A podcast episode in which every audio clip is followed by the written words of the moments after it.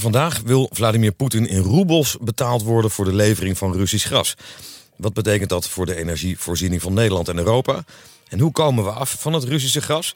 En hoe moet het verder met het Europese klimaatbeleid? President Macron riep al op dat die dure maatregelen even in de ijskast moeten. Maar de Europese Commissie en het kabinet houden vooralsnog voet bij stuk. Het klimaatbeleid zou ons juist weerbaarder maken en onafhankelijker van Poetin. Het probleem is alleen, hoe leg je dat nou uit aan mensen die hun gasrekening nu al niet meer kunnen betalen? Daar gaan we vandaag over praten. En we gaan even bellen met Diederik Samsom, de vroegere leider van de PvdA en tegenwoordig chef de kabinet van klimaatpaus Frans Timmermans bij de Europese Commissie in het hart van de Europese macht. Hoe ziet hij de toekomst van het klimaatbeleid dat door de Oekraïne-oorlog onder grote spanning staat? Dit is Code Rood, een podcast over de macht in crisistijd. In een land waar niemand de baas is. Mijn naam is Thijs Broer, politiek redacteur van de talkshow Op 1 en politiek columnist voor Vrij Nederland. En mijn naam is Peter K., ook politiek redacteur van Op 1 en politiek commentator van de Nieuwsbv op Radio 1.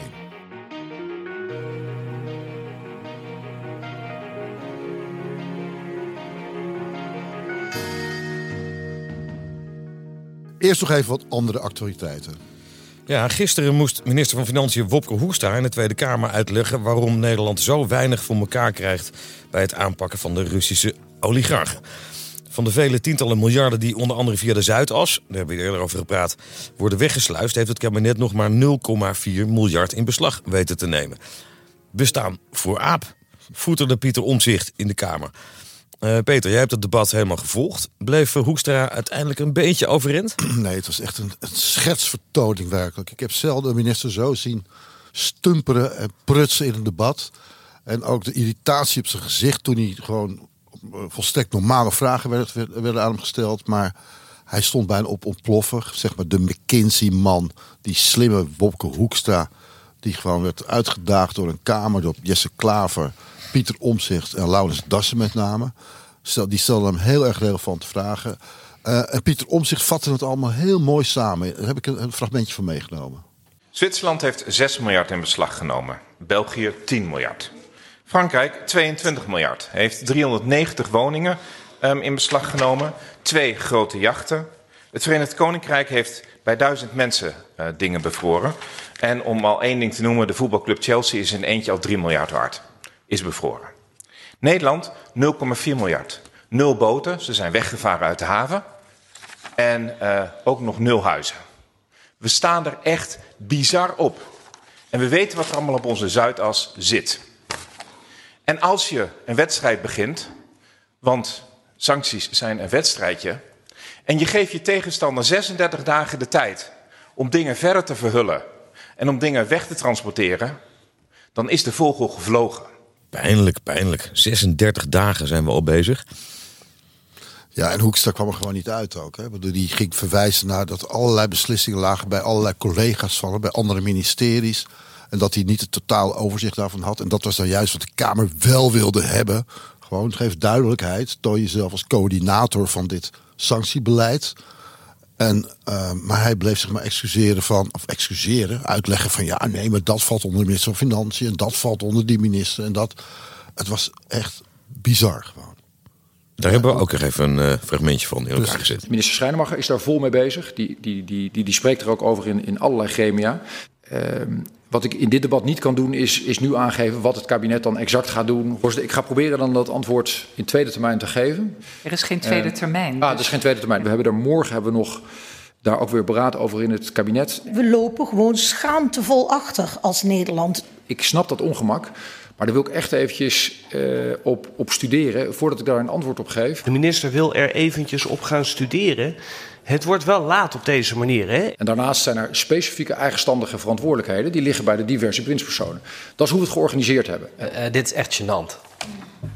Uh, gênant en ook gewoon onacceptabel. want het grote afschuiven lijkt begonnen. Het is toch ook belangrijk om ons te realiseren dat dit debat, naar mijn waarneming, gewoon luisteren naar de collega's in het kabinet, die hebben in hun eigen commissies hebben ze hun eigen variant van dit debat. Nee. Voor de huizen moet u bij de minister van Binnenlandse Zaken zijn. Bij de boten moet u bij een andere minister zijn. Voor de belastingen moet u straks bij de staatssecretaris van Financiën zijn. Dat is onbestaanbaar. Oeh, wat pijnlijk dit. Dat hij zelfs niet weet dat er geen tweede termijn is in dit debat. Ja, ja. Oei, oei, oei. Het is echt een... En wie hoorden we nou allemaal voorbij komen? Lilianne Ploemen hoorde ik. Het is een schaamtevol debat. Nou, omzicht natuurlijk nadrukkelijk. Ehm de jongen van GroenLinks. eh, nee, van de SP. Ehm hoe heet ik weer?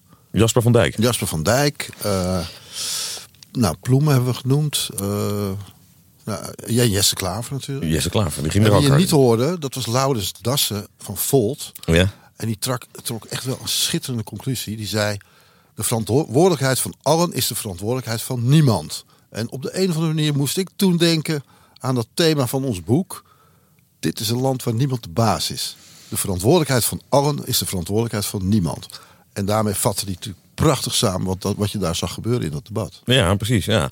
En wat er tussendoor ook nog even besproken werd, is ehm, dat Hoekstra ook nog verwees naar de AVG, de Algemene Verordening Gegevensbescherming, namelijk de nieuwe privacywet. Daarom mogen de belastinggegevens van de oligarchen niet gedeeld worden met andere diensten. Nou, wat deed de Kamer? Natuurlijk woedend roepen. Bij de toeslagenaffaire was dat anders geen probleem. Als je 30.000 onschuldige mensen de schulden in wil jagen, dan eh, doet de AVG er niet toe. Maar als we oligarchen moeten aanpakken, dan is het opeens een probleem waar we, ons, een, een- een- waar we onze loep zuiveren moeten houden. En weg zijn de centjes.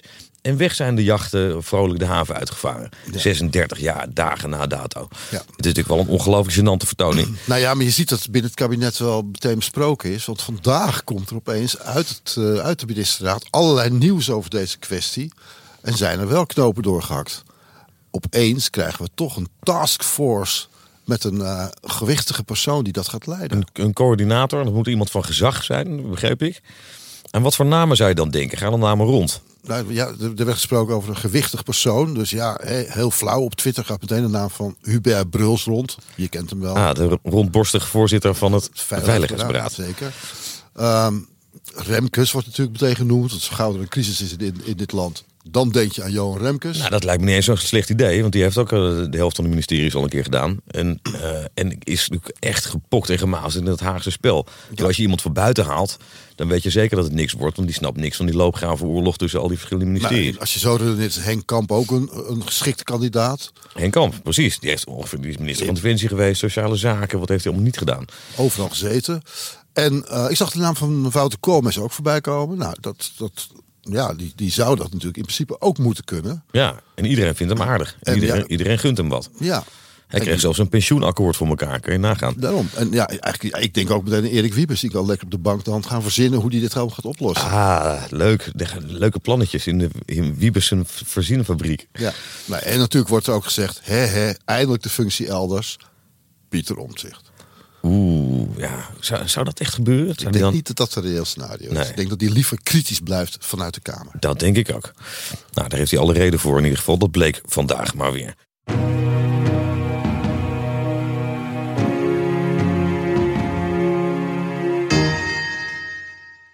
Ander nieuws. De toespraak die de Oekraïense president Zelensky gisteren hield voor de Tweede Kamer. Thijs, jij hebt er vast scherp naar gekeken. Wat vond je ervan? Nou ja, op zichzelf is het natuurlijk een, eh, hij is natuurlijk een, een, da- een dappere man. Hè? Als je bedenkt dat hij vanuit allerlei schuilkelders... terwijl Russische, eh, Russische huurmoordenaars op hem jagen... eh, dat zo moedig weet vol te houden. Dat, daar, daar, daar kan je niet anders dan waardering voor hebben. Maar ik, ik kreeg er in gezicht ook een beetje een ongemakkelijk gevoel bij. Dat de Kamer dan met geel-blauwe vlaggetjes opgespeld... en Nou, dat geel-blauwe viel mij vooral bij mevrouw Ploemen. Mevrouw Ploemen, ja, die was wel eens een van de weinige fractievoorzitters ook bij. Die wil kennelijk ook graag even delen in de glorie. Ehm, ik kreeg een beetje een ongemakkelijk gevoel bij, bij dat sentiment. Bij dat valse sentiment van het moment waar iedereen dan zo graag bij wil horen. Je, dat was de afgelopen weken wel vaker te zien. Ehm, hoe de Hermitage bijvoorbeeld, die... Het is eigenlijk een soort dependance, informele dependance van de beroemde, het beroemde moedermuseum in Sint-Petersburg. Dat maakte ze daar een paar, maanden, een paar weken geleden opeens bekend. Dat ze alle banden met Rusland zouden afkappen. Alsof die prachtige collectie van, Russische Van kunst is plotseling verboden. van Catharina de Grote, alsof dat iets te maken heeft met Poetin. Ik bedoel, nou, een paar dagen later kwam de Philharmonie in Haarlem. Dat vond ik eigenlijk nog erger. Die hadden een festival op touw staan met eh, Stravinsky en, Tjo- en Tchaikovsky, de Russische componisten. Hebben ze afgezegd. Want een Russisch componist, dat mag ook niet. Nou, vanwege de maatschappelijke, onre- de maatschappelijke zorgen over Oekraïne. Het is toch niet te geloven werkelijk. Alsof Tchaikovsky er iets aan kan doen dat Poetin nu eh, de Oekraïne is binnengevallen. Wat wat, kletskoek. maar wat moet ik nou met mijn Lada Niva dan? Moet ik die ook, eh, mag ik die ook niet meer gebruiken? Nee, laat die maar aan de kant van de weg staan. Ja, of duw hem in de Nou, voorlopig staat hij dat meestal ook, maar eh, verboden te gebruiken? Nou ja, dat soort vragen krijg je dan dus. Ja, een stapje verder is boekverbrandingen gaan organiseren. Dat is natuurlijk totaal zot. Ehm, en van de week onthulde de Telegraaf zelfs dat het kabinet serieus heeft overwogen om de mensen op te roepen om uit solidariteit met de Oekraïne de kachel op 17 te zetten en een extra trui aan te trekken. Nou ja, als dat, als dat is om een beetje te voelen hoe die mensen zich daar voelen in die metrostations, dan kan ik me nog wel iets meer voorstellen. Ja, maar een beetje in hoe het is. Ja, maar leg het maar eens uit aan de AOW'ers die, eh, die de gasrekening niet meer kunnen betalen. Omdat de eerdere kabinetten Rutte zo stom waren om ehm, zich afhankelijk te maken van de firma Gazprom. Energiebeleid en de oorlog in Oekraïne.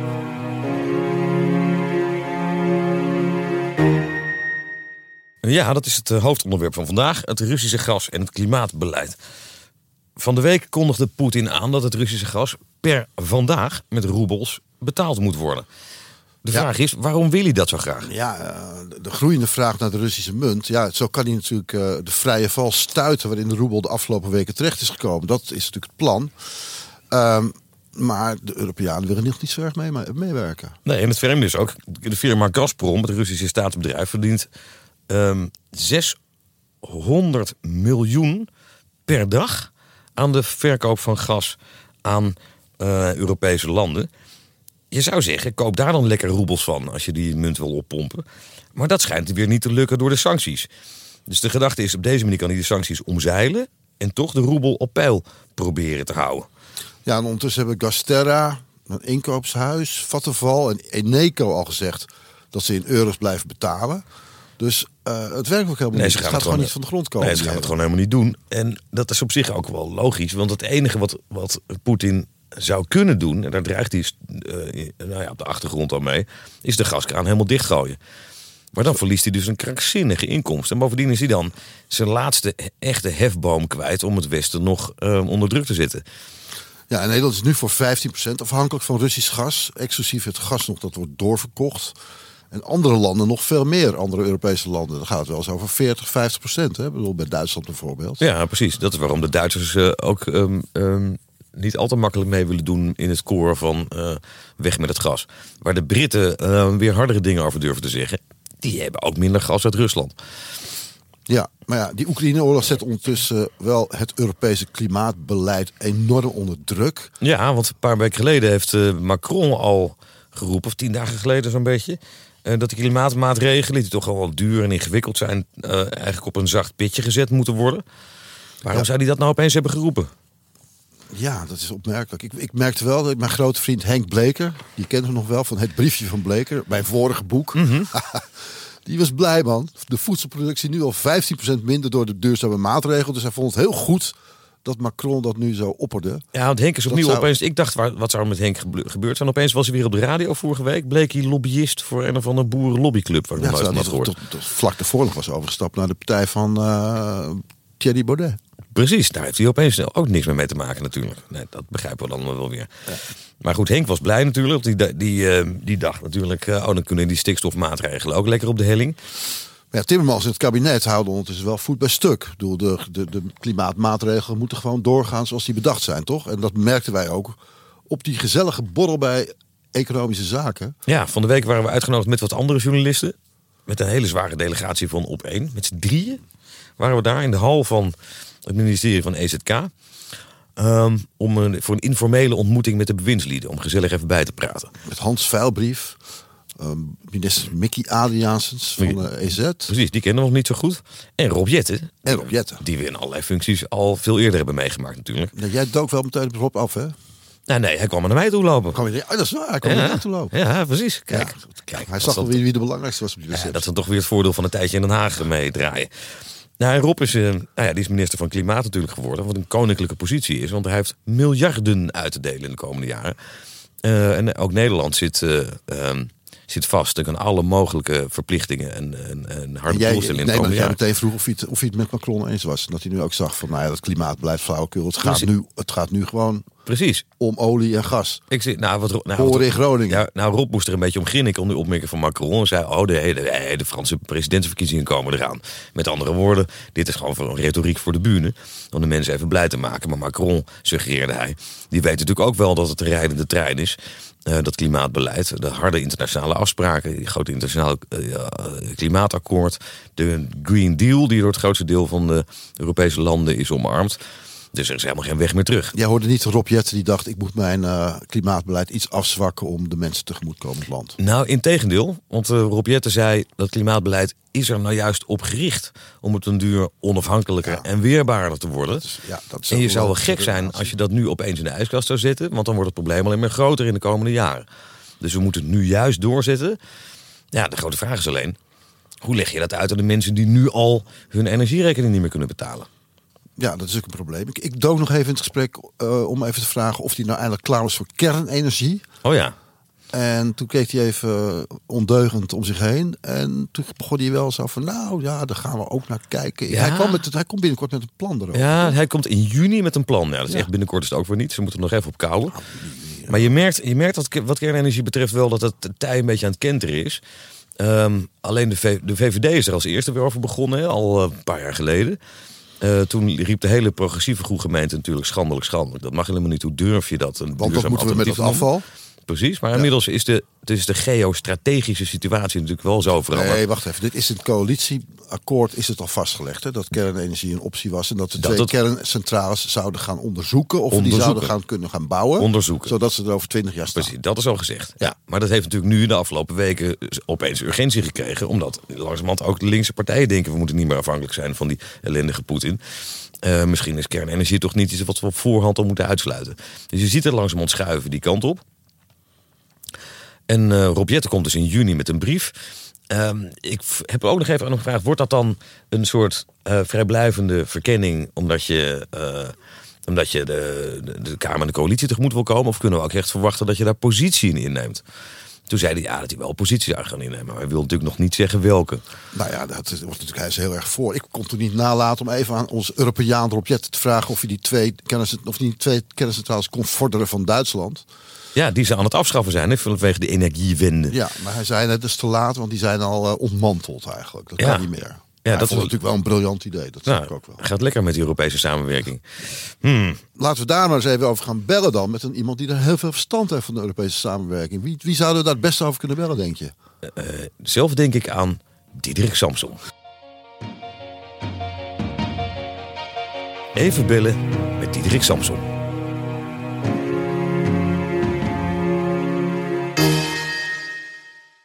Toen Diederik afscheid moest nemen als leider van de Partij van de Arbeid... nipt verslagen bij de lijsttrekkersverkiezingen door zijn grote rivaal Lodewijk Asscher... liep Diederik een tijdje met zijn ziel onder de arm. We hadden best een beetje met hem te doen. Maar opeens dook hij eind 2019 weer op als chef de kabinet van Eurocommissaris Frans Timmermans... zijn oude vriend en compaan... en onze klimaatpaus te Brussel. Precies, en opeens belandde Samson daardoor in het hart van de Europese macht. En sindsdien geldt hij als een van de architecten van het klimaatbeleid van de Europese Commissie. Een beleid dat nu dus onder grote spanning staat door de oorlog in Oekraïne. Wat vindt Samson van de gasoorlog met Rusland? En hoe moet het verder met de mooie klimaatplannen die hij in Brussel aan het smeden is? Hey, goeiedag. Diederik, met Thijs, Thijs broer. Hoi. En waar, waar ben jij? Ben je, ben Ik hoorde dat je thuis zat in isolatie met corona. Ja, in België is er, is er nog corona. Dat is in Nederland allemaal weg, dat Ja. weet ik. Het bestaat niet meer bij jullie. Maar eh, nee, hier heb je nog gewoon eh, de regels van isolatie. Dus eh, hier moet je gewoon keurig eh, vijf dagen, eh, nou nee, zelfs zeven dagen thuis zitten. Oh jee. En welke dag zit je inmiddels? Eh, zeven. Dus, eh, nou nee, zes. Morgen is zeven. Ehm, en als ik dan klachtenvrij ben, nou, ik ben nog wel verkouden, dus het is, je moet een beetje marchanderen. Dan eh, ben ik weer gewoon. Maar eh, ja, dan zit je gezellig een weekend, eh, of een week thuis. Ja, zit- goed, jij zit- je kunt- Zaterdagavond zit je weer in de kroeg of zondagmorgen op de racefiets?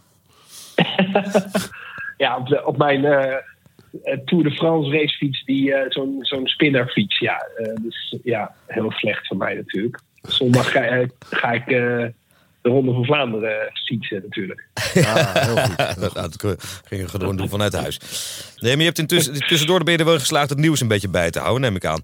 Eh, Poe- Ik heb gewoon gewerkt. Precies. Ik kan gewoon werken. Ja. Ja, nee, dat geldt. Ik Nou. maak geen mensen beter, ik ruim geen vuilnis op. Ik doe eigenlijk helemaal geen, geen essentieel werk. Dus dat kun je gewoon vanuit huis doen. Eh, eh, gewoon een beetje ouwe hoeren. Nou, dan heb je vast ook Ja. wel meegekregen dat Poetin heeft geëist dat er per vandaag in roebels voor het Russische gas zou moeten worden betaald. Hè? De Europese Ja, landen zetten zich schrap. Ja, dat, nee, dat valt wel mee. Eh, nou ja, het is natuurlijk geen goed teken dat, dat eh, Poetin dat graag wil escaleren, politiek gezien.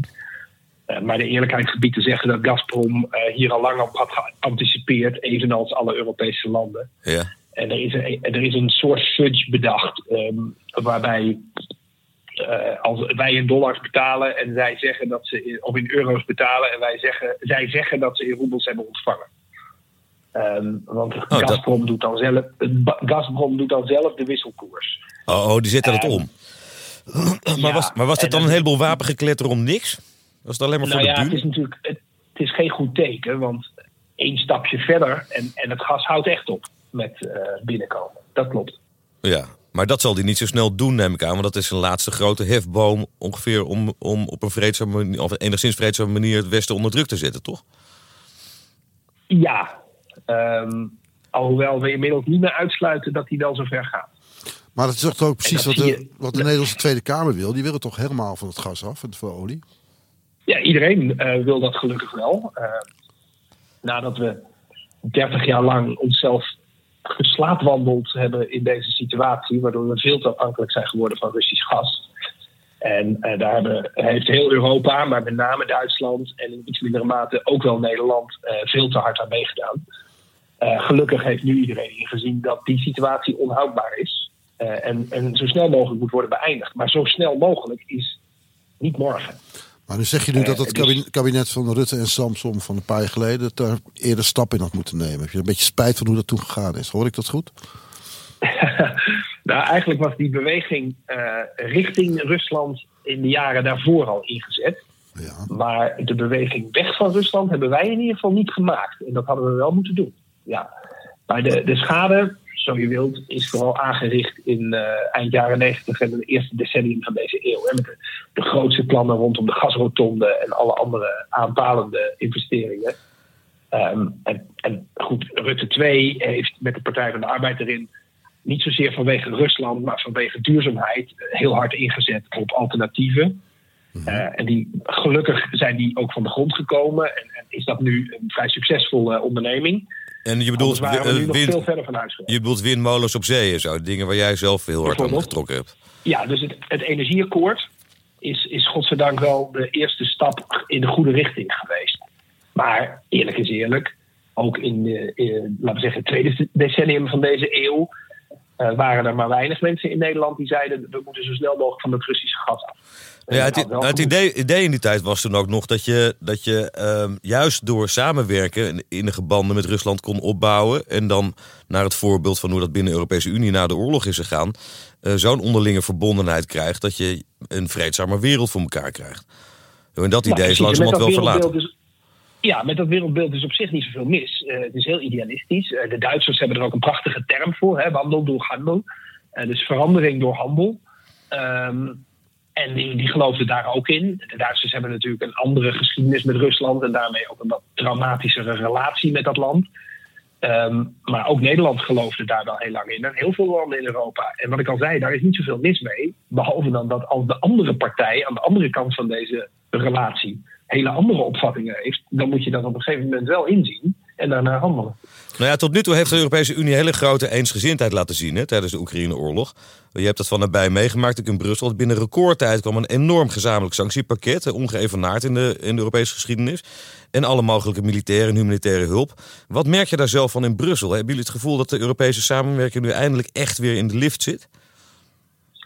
Ja, dat klinkt, is natuurlijk een beetje cynisch hè, om, om uit deze oorlogssituatie iets in de lift te noemen. Maar Ja. Ehm, het, is wel, het is wel de waarheid dat eh, dogma's die, die tientallen jaren de politiek hebben beheerst, in een ochtend, op een zondagochtend letterlijk, eh, in de spe- speech van Olaf Scholz, eh, aan de kant zijn gekieperd. En dat gaat inderdaad in, in, in het geval van Duitsland, dat is toch een dominante factor in Europa.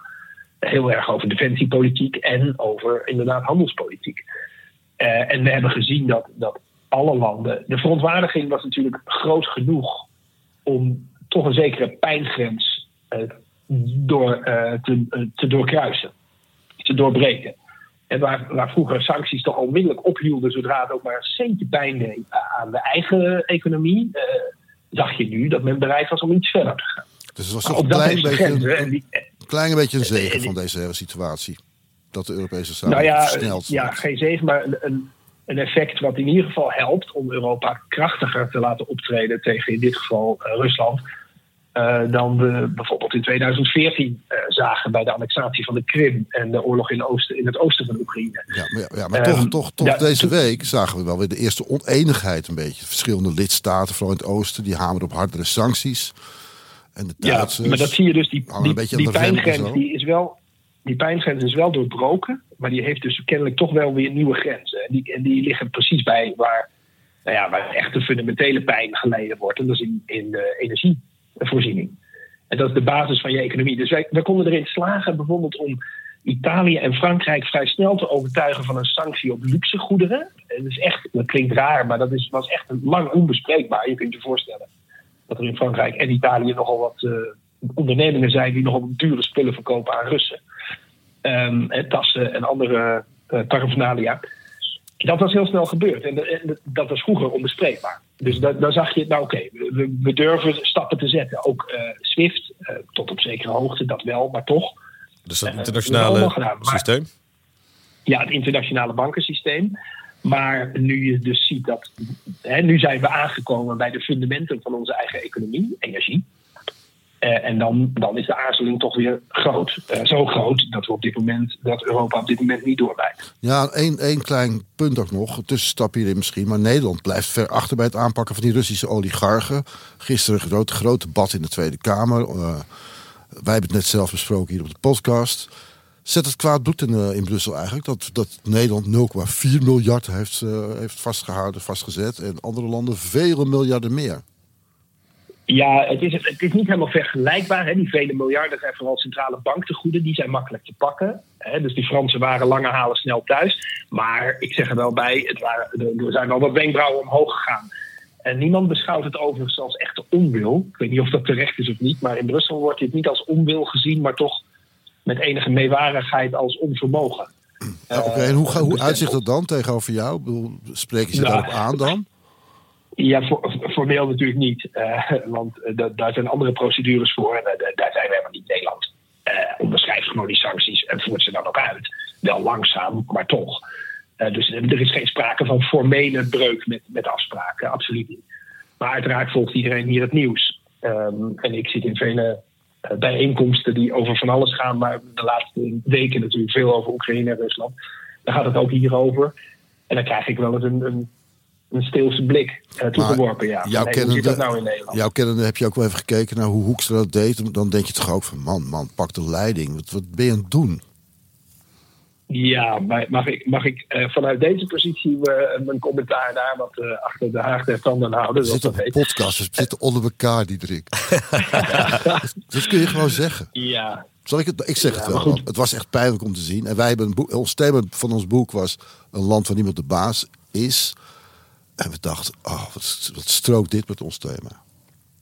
Ik, eh, in zijn algemeenheid eh, vond ik de typering die eh, door een ander is gemunt. En ik weet eigenlijk niet eens wie, dus jullie moeten het copyright uitzoeken. Maar iemand heeft Nederland eens een keer een zwakstroomdemocratie genoemd.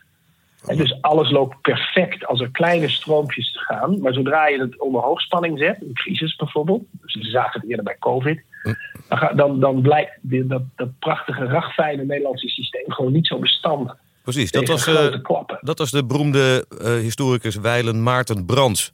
Van wie ik nog les heb Ja. gehad aan de universiteit. Of college heb gehad aan de Nou, universiteit. dat is, dat is een, een, een prachtige typering. De zwakstroomdemocratie? Eh, ik, Ik de denk, dat, ik denk dat we de titel Ja. voor de podcast van vandaag al gevonden hebben.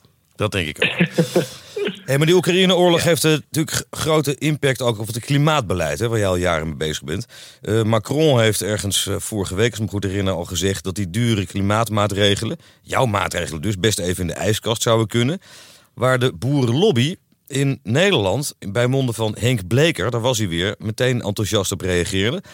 Eh, wat vind je daarvan? Zijn dat soort uitspraken, dat soort aan de rem hangen, is dat, is dat zand in de machine? Ja, maar mag ik het wel preciseren? Macron heeft dat niet over klimaat en energie gezegd, maar inderdaad vooral over eh, landbouw en biodiversiteit. Ja. Uh, voor ons is dat één geheel. De Green Deal gaat over allebei. Ja. En je kunt appels met peren niet vergelijken, maar het verlies aan biodiversiteit is misschien wel een grotere bedreiging voor toekomstige generaties dan klimaatverandering. Nogmaals, je kunt het niet vergelijken, maar het zijn alle twee fundamentele bedreigingen voor de welvaart van onze kinderen en kleinkinderen. Dus voor ons is het één geheel. Maar Europa als geheel is nog niet zo ver. En met name landen als Frankrijk, waar hè, de boerenlobby uh, altijd erg sterk is geweest, daar zie je nu haarscheuren ontstaan onder druk van deze crisis. Dat zag je eigenlijk bij COVID ook al hoor, uh, in het klein. En dan, ja, god, dan heb je ook nog te maken met een president die, die mind you, negen dagen voor zijn verkiezingen staat. Uh, dus die haalt dan, schiet dan toch wat uit de heup. dat is niet fraai. Um, en we, we, trekken ons er ook, ik kan niet zeggen niets, want hij is wel een van de 27 landen. Maar we trekken ons er zo weinig mogelijk van aan. Want vanuit de Europese Commissie en met name het kabinet van Timmermans. Uh, zijn we van, zitten we sterk op de lijn dat biodiversiteit net zo'n grote bijdrage levert aan de toekomst. En overigens ook aan de onafhankelijkheid van Europa. Als wij onze eigen spullen willen blijven verbouwen, dan moeten we wel stoppen met het afsterven van onze natuur en onze bodem door te veel bestrijdingsmiddelen en kunstmest en dergelijke. Dus, maar, het, maar, het, maar het Dus argument, dan is goed biodiversiteitsbeleid belangrijk. maar het, maar het argument zeg maar, in de aanloop naar de verkiezingen voor Macron om hierover te beginnen is... de Franse boeren hebben het al zo moeilijk. Laten we ze nou, e- laten we nou in godsnaam eventjes de teugels laten vieren... zodat ze meer ruimte hebben om te overleven. Ja, ik, dat argument snap ik wel. Maar dat is erg korte termijn denken. Dat zie je overigens altijd. Hè. Daar is natuurlijk niks mis mee. Dat zien we eigenlijk ook bij energiebeleid. Ja, de, de, landen duikelen over elkaar heen om de energieprijzen voor mensen te verlagen. Ja. Uh, dus eigenlijk subsidies te geven op olie en gas. Subsidies te geven op olie en gas wat uit Rusland komt, notabene. Ja. Feitelijk daarmee Poetin te subsidiëren. Puur om op korte termijn in ieder geval mensen uit de wind te houden. Dat, dat laatste is natuurlijk ongelooflijk nobel en dat moet je ook doen. Vooral bij mensen die het einde van de maand al heel ingewikkeld vinden en zich over 2050 echt niet zo heel veel zorgen, die zich niet kunnen veroorloven om zich daar veel zorgen over te maken. Maar je moet niet across the board over het geheel proberen alle energieprijzen te verlagen. Uh, en dat, dat gebeurt overal, uh, in meer of mindere mate. Nogmaals, heel begrijpelijk, maar uiteindelijk slecht voor de lange termijn. Ja, ja, ja. Wat je moet doen, en dat hebben we ook in een extra plan, bovenop de Green Deal hebben we nu een extra plan gemaakt. En dat heet Repower EU. Dat hebben we in, uh, een paar weken geleden gelanceerd. Dat zijn we nu verder aan het uitwerken. En dat gaat eigenlijk maar om één ding. Hoe worden we zo snel mogelijk onafhankelijk? Ja, maar dat, dat is heel uh, mooi. Maar dat, dat, ook dat is lange termijn. Terwijl, je zegt het net zelf al, mensen die aan het eind van de maand naar hun portemonnee kijken en denken, hoe betalen we die energierekening? Ja, die hebben misschien niet zoveel tijd om nu na te denken over smeltende ijskappen. Dus Nee, dat klopt. Dus, dus lage inkomens. Hè, mensen, eh, de, de, we zeggen dan de onderste drie decielen van het inkomensgebouw. Dus de, de onderste 30% van de inkomens. Die uh, moet je ondersteunen. Uh, en dat kan op heel veel manieren. Het kan vrij lomp, dat kan ook heel intelligent. Allebei, het maakt eigenlijk niet zoveel uit hoe je het precies doet. Allebei is ongeveer even duur. En, en ongeveer even effectief. Maar als je alle bedrijven en ook mensen zoals, zoals jij en ik bij wijze van spreken, die die hoge energierekening wel buitengewoon vervelend vinden, maar hem wel kunnen betalen. Als je die ook gaat compenseren, dan ben je A, ongelooflijk veel belastinggeld aan het spenderen. Aan het rondpompen eigenlijk. En B, je draagt niet bij aan de echte oplossing. Namelijk zorgen dat we minder energie gaan gebruiken, minder gas gaan gebruiken. En vooral alternatieven gaan ontwikkelen. Ja, het is natuurlijk wel gebeurd dat we allemaal uh, een korting krijgen Ja. op onze benzine- en dieselprijzen en zo. Ik had vandaag ben ik gaan tanken, want het was 17 cent goedkoper of zo. Ja, nee, dat is ik, ik, en ik, uh, ik snap het ook wel. Er zijn ook wel, uh, laten we zeggen, uitvoerings, uitvoeringsredenen. Hè, je, om dat allemaal weer Ja. te, te splitsen is buitengewoon ingewikkeld. Er zijn wel uitvoeringsredenen waarom dit een, een maatregel is waar veel regeringen hun toevlucht tot nemen. Maar ik blijf benadrukken. Um, het eerlijke verhaal, ja, ik mag het nooit meer zeggen natuurlijk, maar het eerlijke verhaal. Eén keer zeggen, maar wel de laatste keer dat, dat, uh, het eerlijke verhaal is dat energie en bij en, en trouwens ook voedsel, we hadden het er net even over, zijn de afgelopen 40 jaar veel te goedkoop geweest. Veel te goedkoop geweest. Het zijn de basisbehoeften van, onze, van ons leven, van onze, eh, ook van onze welvaart. En we zullen er iets meer voor moeten betalen. Eh, willen we dat houdbaar houden voor de toekomst. Ja, ik snap wel dat Eh, Macron er die boodschap maar weinig mensen, die, weinig mensen die herkozen willen worden, die Dat eh, graag eh, vertellen. Ja. Maar het is wel de waarheid. Over een maand praat met Macron anders, zou je zeggen. Als hij herkozen wordt. Nou, kijk, hij is niet zo opportunistisch dat hij meteen na de verkiezingen een ander standpunt heeft dan daarvoor. Want dat, Maar dat- ik hoop zo, zo, dat zo hij- zijn politici niet. Eh, ik, eh, ik ken Macron, weet, dat is toch, hij, die- die- hij zit toch wel aardig in elkaar, die man. En ik hoop overigens wel dat hij, eh, dat hij wint. Zeg ik in alle eerlijkheid. Ben ik, dan trek ik niemand voor, dan ben ik alleen maar beducht voor het alternatief. je objectief ambtenaar. Ehm, ja, ja, dus ik. nee, maar goed, al- als hij wint met een goed mandaat, dat zou helpen. Ja, dat zou Europa helpen. Dat, dat is gewoon een feit, feitelijke constatering. Aangezien zijn tegenstanders allemaal eh, buitengewoon anti-Europese sentimenten vertonen. Hey, mag ik nog even terug naar wat je net zei? je zei vrij terloops dat als je, ehm, laten we zeggen, de, de, onder, de, de ar- armste 30% van de mensen die echt last hebben van die stijgende prijzen in de, op de energiemarkt zou, moeten, zou willen compenseren, dan kan je dat lomp doen of intelligent doen. Wat zijn dan de Ja. opties? Wat zijn dan de opties? Wat is dan lomp en wat is intelligent? Nou, ik bedoel eigenlijk, je kunt het doen via de energierekening. En dat doen we in Nederland. Dat is vrij eh, intelligent. Hè. Dan, dan geef je de eerste 300 kubieke meter gas geef je gratis aan iedereen. En mensen die met een laag inkomen zitten, gebruiken relatief ten opzichte van hun inkomen veel energie, maar in absolute termen weinig. En profiteren dan veel meer van die eerste 300 kub gratis. Dus die eerste 500 kub gratis Ja. eh, gas. Dus dat, dat helpt. In andere landen doen ze het eh, nog heel ouderwets met, met vouchers. Hè, dus dan krijg je gewoon een, een, cheque opgestuurd. Eh, dus dat is op zich een interessante. eh, nou goed, die verschillen zie je overal in Europa. Ik zei al, dat maakt eigenlijk niet zoveel uit. Je moet die mensen lucht bieden, ruimte bieden. Overigens, voor de iets langere termijn, en dan zou je eigenlijk wel vandaag mee moeten beginnen. Ik denk dat hij het gaat hebben over die- kernenergie. Wat denk jij? Nee, nee, nee. Maar voor een iets langere termijn zijn vooral deze mensen gebaat bij het isoleren van de woning. Die vaak niet van hen is. Hè, mensen met een laag inkomen huren vaak een huis. Gezinnen die in zo'n huis zitten, als je hen echt wil helpen, moet je de huisbaas, woningbouwcorporatie of anderszins, verplichten of subsidiëren, of een beetje van beide, om die huizen te isoleren en wel nu. Ja. Want dan maak je de huizen beter, comfortabeler, de energierekening lager. En niet voor een tijdje, maar voor altijd. En dat helpt natuurlijk enorm. Oké, maar goed, ik, wil- ik wil je toch maar even die kernenergie op, want daar is ook de, de discussie over weer opgevlamd, om, om het maar in mooie woorden te zeggen. Zelfs in de progressieve hoek is er nu groeiend enthousiasme voor. Klimaatminister Rob Jetten is er serieus mee bezig. Heeft tegen ons gezegd, ja, in juni kom ik met een plan voor die twee nieuwe kerncentrales. Jij bent kernfysicus, wat vind je ervan? Ja, kijk, als kernfysicus, kernenergie is een van onze opties in onze energievoorziening in Europa. Ehm, en de, de- de- omstreden al si- nou, sinds de jaren 70, maar niettemin, be- meer dan 20% van onze elektriciteitsvoorziening draait erop. En, en, en daarmee ongeveer 10% van onze totale energievoorziening. En dat blijft ook wel zo. Maar wij, wij zien in geen enkel model eh, wat wij hebben, zien we dat snel toenemen, nog snel afnemen. Het is een beetje stilstaand water, zou je kunnen zeggen. Eh, en dat heeft er natuurlijk mee te maken dat kerncentrales erbij bouwen. Jongen, dat is een onderneming. Eh, dat is buitengewoon risicovol, heel erg duur en duurt best lang. Eh, overigens doen een aantal landen het wel, maar dat is allemaal niet voor morgen. Nee, en ondertussen worden ze in. Duitsland en België gesloten, toch?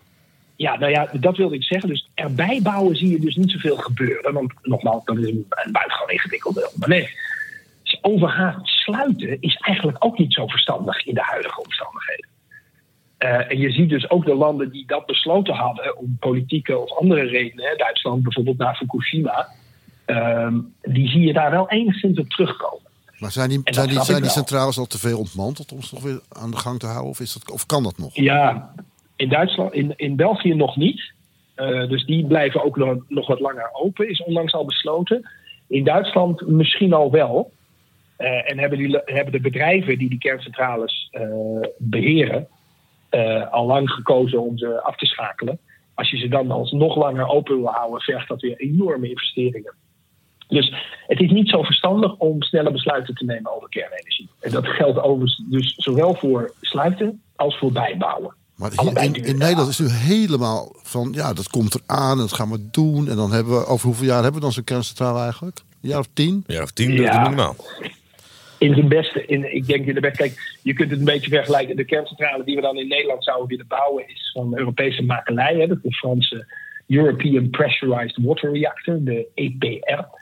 Ehm, en dat is een, prachtig ding. Duits, eh, bouwt er eentje. Die zijn in 1997 begonnen met plannen. Die zijn in 2003 begonnen met bouwen. En die hopen hem in 2024 af te hebben. Ah. Eh, dus dat is niet zo goed gegaan. En, en, en in Finland is hetzelfde eh, verhaal. Dan zou je kunnen zeggen, na twee keer oefenen kan je het sneller. Dus laten we zeggen 10 tot 15 jaar zou het kunnen. Eh, en dan heb je hem staan. Maar ik volg Nederland natuurlijk nog wel een beetje. En zag dat er onlangs een datacentrum van de, van de kaart is geveegd. Wat al bijna stond ingepland. Ja. Ehm, ik weet niet welk internationaal bedrijf graag een kerncentrale in Nederland wil bouwen. Een land wat nog niet eens een datacentrum voor elkaar krijgt. Over dat, de- eh, eh, over dat datacentrum eh, daar kun je over van mening verschillen. Ik constateer alleen dat de investeringszekerheid eh, er niet van toeneemt. Op het moment dat dat soort eh, besluiten elke keer heen en weer wapperen. was, Nee, dat, niet- was dat ook niet dus met kolencentrales zo? Dat de kolencentrales gebouwd waren, die de schoonste van Europa waren, die toch ook weer heel snel dicht moesten? Ja, nou ja, precies. Eigenlijk wel. Eh, Nederland is wat dat betreft nou ja, de zwakstroomdemocratie. We noemen het al. Eh, en dat, dat helpt niet om dit soort hele grote, lange, moeizame investeringen. En als, tegen, als pendant daarvan, ehm, zonne-energie, wat natuurlijk kleinere eenheden zijn, ook veel, dat gaat in Nederland als een malle. Als je nu kijkt, het snelst groeiende land ter wereld op het gebied van zonne-energie, en dan uitgedrukt per hoofd van de bevolking, is Nederland. Je kan het je bijna niet voorstellen, maar het is echt waar. En het gebeurt nu onder onze ogen. Eh, en het gaat nog wel een paar jaar zo door ook. En dat is ook iets om heel vrolijk van te worden. En dat maakt de discussie over kernenergie ook weer iets minder pregnant. Want de alternatieven gaan zo snel. Welke Eh, andere alternatieven zijn dat dan? Welke andere alternatieven zijn dat dan? Nou, zon, met name zon, zon en wind. Daar kun je natuurlijk niet eindeloos je energievoorziening mee eh, aanhouden, letterlijk. Want zon en wind zijn zogenaamde intermittent resources. Hè, die gaan aan en uit. Eh, als het donker is of windstil en dergelijke. Ja, nou, Dus je zult we er ook veel, zon wat minder, hebben. maar goed. Ja, nee. Maar nu, eh over zon en wind wisselen elkaar wel een beetje af. Dus het is niet alleen maar eh kommer en kwel. Maar je hebt dus ook waterstof nodig als wat stabielere, duurzame energiedrager. Nou, toevallig of niet, Nederland is ook daar heel goed in. Of althans, potentieel heel goed. Hebben we nog niet ontwikkeld, maar kan natuurlijk wel. De Rotterdamse haven is de beste plek op aarde om dat te ontwikkelen. En daar zijn ze gelukkig ook mee bezig. En dat kunnen ze wat mij betreft ook nog wel wat sneller doen. En datzelfde geldt in iets mindere mate, maar toch ook flink voor de Eemshaven en het gebied daaromheen. Nederland heeft heel veel potentie. Eh, en als ze er dan ook nog twee kerncentrales bij willen zetten, joh, be my guest. Eh, ik weet niet hoe vaart het zal lopen, maar ik maak me er ook niet zo druk over. En dan komen we eindelijk los van het Russische gas. Nou ja, de, de, eh, daar zullen die kerncentrales dus niet aan bijdragen, want dat moeten we voor die tijd al lang hebben opgelost. Eh, en wij hebben eh, zelf hier dus in Europa gekeken, een Europees plan, waar Nederland ook onder valt. Wij kunnen twee derde van de Russische gas al volgende winter overbodig hebben gemaakt. Hebben vervangen door alternatieven dus. En de, de, de, de laatste een derde, natuurlijk wel de moeilijkste, daar doen we dan nog 2,5 tot drie jaar over. Dat is nog te overzien. Ja, Dus. precies. Dat is dus te overzien. En dat is allemaal, of mede, dankzij de spectaculaire groei van duurzame energiebronnen. Als je kijkt wat we de afgelopen jaren hebben neergezet in Europa als geheel aan wind en zon, dat maakte 20 miljard kubieke meter gas overbodig. 20 miljard kubieke meter. Ja, dan gaat het hard. Als je dat een paar jaar doet, dan ben je er. En dan kunnen we het zonder, goed, moet je het wel een paar jaar volhouden. dan kunnen we het zonder op kolen te stoken. Ja, Zonder? nee? Zonder kolen? Nou, op, eh, het is een beetje hetzelfde als met kerncentrales op dit moment. Als je ze nu sluit, vergroot je je probleem in ieder geval morgen. Dus je kunt beter een wat slimmere route kiezen. Ehm, maar zodra je de mogelijkheid hebt om ze dicht te doen, moet je die natuurlijk als eerste dicht doen. Ik dat zou bijna kan- willen zeggen nog eerder dan kerncentrales. Oké, en, het kan ook Want, zonder eh, Gronings dat- gas? Mm, Dat hangt een beetje van de temperatuur af in de komende periode. En dan bedoel ik de komende twee, drie jaar. Oké, Maar dus- als we geen, als we geen super heftige winters krijgen, dan kan dat, ja. Nou, zo eindigen we dan toch nog met een optimistische noot. Ik hoop dat de zon eh, nog meer gaat eh, schijnen. Uh, dankjewel, Diederik. goed. en beterschap. Je, je bent al bijna beter, hè? Morgen uit de isolatie. Helemaal beter dan. dat komt helemaal goed. Oké, dankjewel Diederik. Geniet ervan. Heel veel Oké. dank. Dag. Ja, hoi. Hoi, hoi. Hoi. Nou Thijs, het was toch leuk om eens een keer met Diederik Samson wat uitgebreider te spreken. Hè? Zoals we vroeger ook wel eens deden in de wandelgangen. Ja, dat is een tijdje geleden, ja. En hij was opvallend, opvallend eh, ontspannen, vond ik. En optimistisch. Ja, niet die, Ook nog? die, enige, eeuwige, die eeuwige zendmast die die kon zijn, weet je wel. Dat hij zo doorratelde. Nou, waar we hem allemaal natuurlijk van kennen, van, in ieder geval van, van televisieoptredens, was de tijd dat hij nog zwaar onder druk stond als, eh, als leider van de PvdA. En steun en toeverlaat van Mark Rutte. In een kabinet dat het steeds moeilijker kreeg. En hij kwam zelf ook in zijn partij steeds meer in de klem. Dus toen kreeg hij iets verbetens, iets venijnigs. Ja, en nu hoor je inderdaad gewoon ontspannen ambtenaar. Ja, en hij is dat. ongelooflijk goed in thuis. En, maar, en over energie en klimaat en zo. Dat waren natuurlijk altijd al de onderwerpen waar je s'nachts wakker kon bellen. Nou, daar is hij mij doorgebroken, hè, als, eh, als politicus ook. Toen hij op een gegeven moment bij de Wereld Draait Door mocht vertellen over klimaat en energie en hè, als kernfysicus. Toen kregen mensen opeens door van, hé, wat, een, eh, wat een slimme jongen is dat eigenlijk. Wat kan hij makkelijk babbelen. Zo heb ik hem trouwens ook leren kennen in Nieuwsport. Dat ik een keer vroeg, iets vroeg over klimaat en over eh, klimaatmaatregelen. En toen hield hij een uur lang hield hij een soort, soort lezing tegen me, maar op een hele leuke manier. En ook echt dat ik dacht, man, wat een talent die, deze jongen. Ja.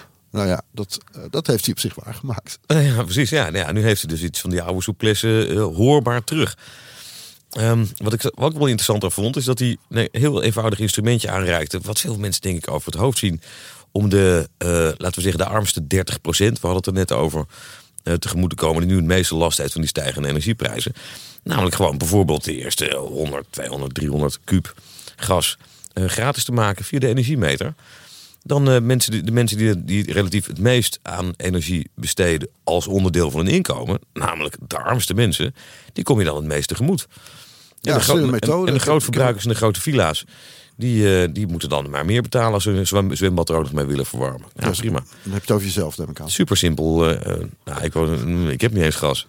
ik ben net van het gas af, mensen. Je stookt op hout. Ja. Mag dat wel? Oeh, ja, nee, niet van GroenLinks in Amsterdam. Maar nou ja, voor rest was hij, had hij ook nog wel het enige optimisme. Dat bijvoorbeeld dat verhaal over die, eh, dat we al zoveel minder gas gebruiken, zeg maar. Dat hoor ik, dat hoor ik niet zoveel. We hebben de afgelopen jaren 20, dat hoorde ik ook zeggen. Dat, de afgelopen jaren hebben we al 20 miljard kuub gas bespaard door zonne-energie en wind. 20 miljard. Ja, dus eigenlijk gaan we al heel erg de goede kant op. Precies. En in één ruk vertelde hij dat we binnen een jaar van het Groningse gas ook nog helemaal af kunnen zijn. Als, door, als we niet een al te strenge winter krijgen. En over twee, drie jaar helemaal van het gas. Ook van het Russische. Ja. Dat is nog eigenlijk best te overzien. Zou je denken. Hè? Dus, nou ja, eh, het aardige is dat hij een blijmoedige boodschap heeft eigenlijk. Ehm, en ook nog wel durft te erkennen dat de, de Europese verdeeldheid ook weer niet helemaal verdwenen is. Nee, dat gaf hij ook toe. Ja. En dat eigenlijk het bouwen van nieuwe kerncentrales wel beschouwd onzin is. Dat zei hij toch wel met zoveel woorden. Ja. Veel te duur. Ik Wordt ben benieuwd ingehaald door hij- nieuwe ben benieuwd of hij technologie. Rob Jetten daaraan gaat herinneren voordat hij met zijn plan komt in juni van dit jaar. Ik heb het gevoel dat hij in Nederland gewoon rustig eh, laat aansudderen. En het idee heeft dat de trein toch wel doorrijdt. Ja, dat denk ik ook wel. Nou ja, kijk, ze moeten er toch achteraan blijven zitten, hij en Timmermans. Dus, eh, en hij zit natuurlijk wel dicht bij het vuur, heeft zijn contact hier in Nederland. Kan altijd nog met Mark Rutte bellen, want het is een van zijn beste vrienden. Dus hij kan nog altijd de druk erop zetten. Ja, dat is ook zo. Hij heeft eh, korte lijntjes. En als ik Rob Jetten was, zou ik ook af en toe eens met hem bellen. Want die jongen weet wel waar hij het over heeft. Zo is dat. Code Rood is een podcast van Dag en Nacht Media. Het gelijknamige boek ligt in de winkels en is uitgegeven door Pluim. Podcastredactie door Tom Aalmoes en Lara de Boer. Edit door Tom Aalmoes. Muziek door Lucas de Gier.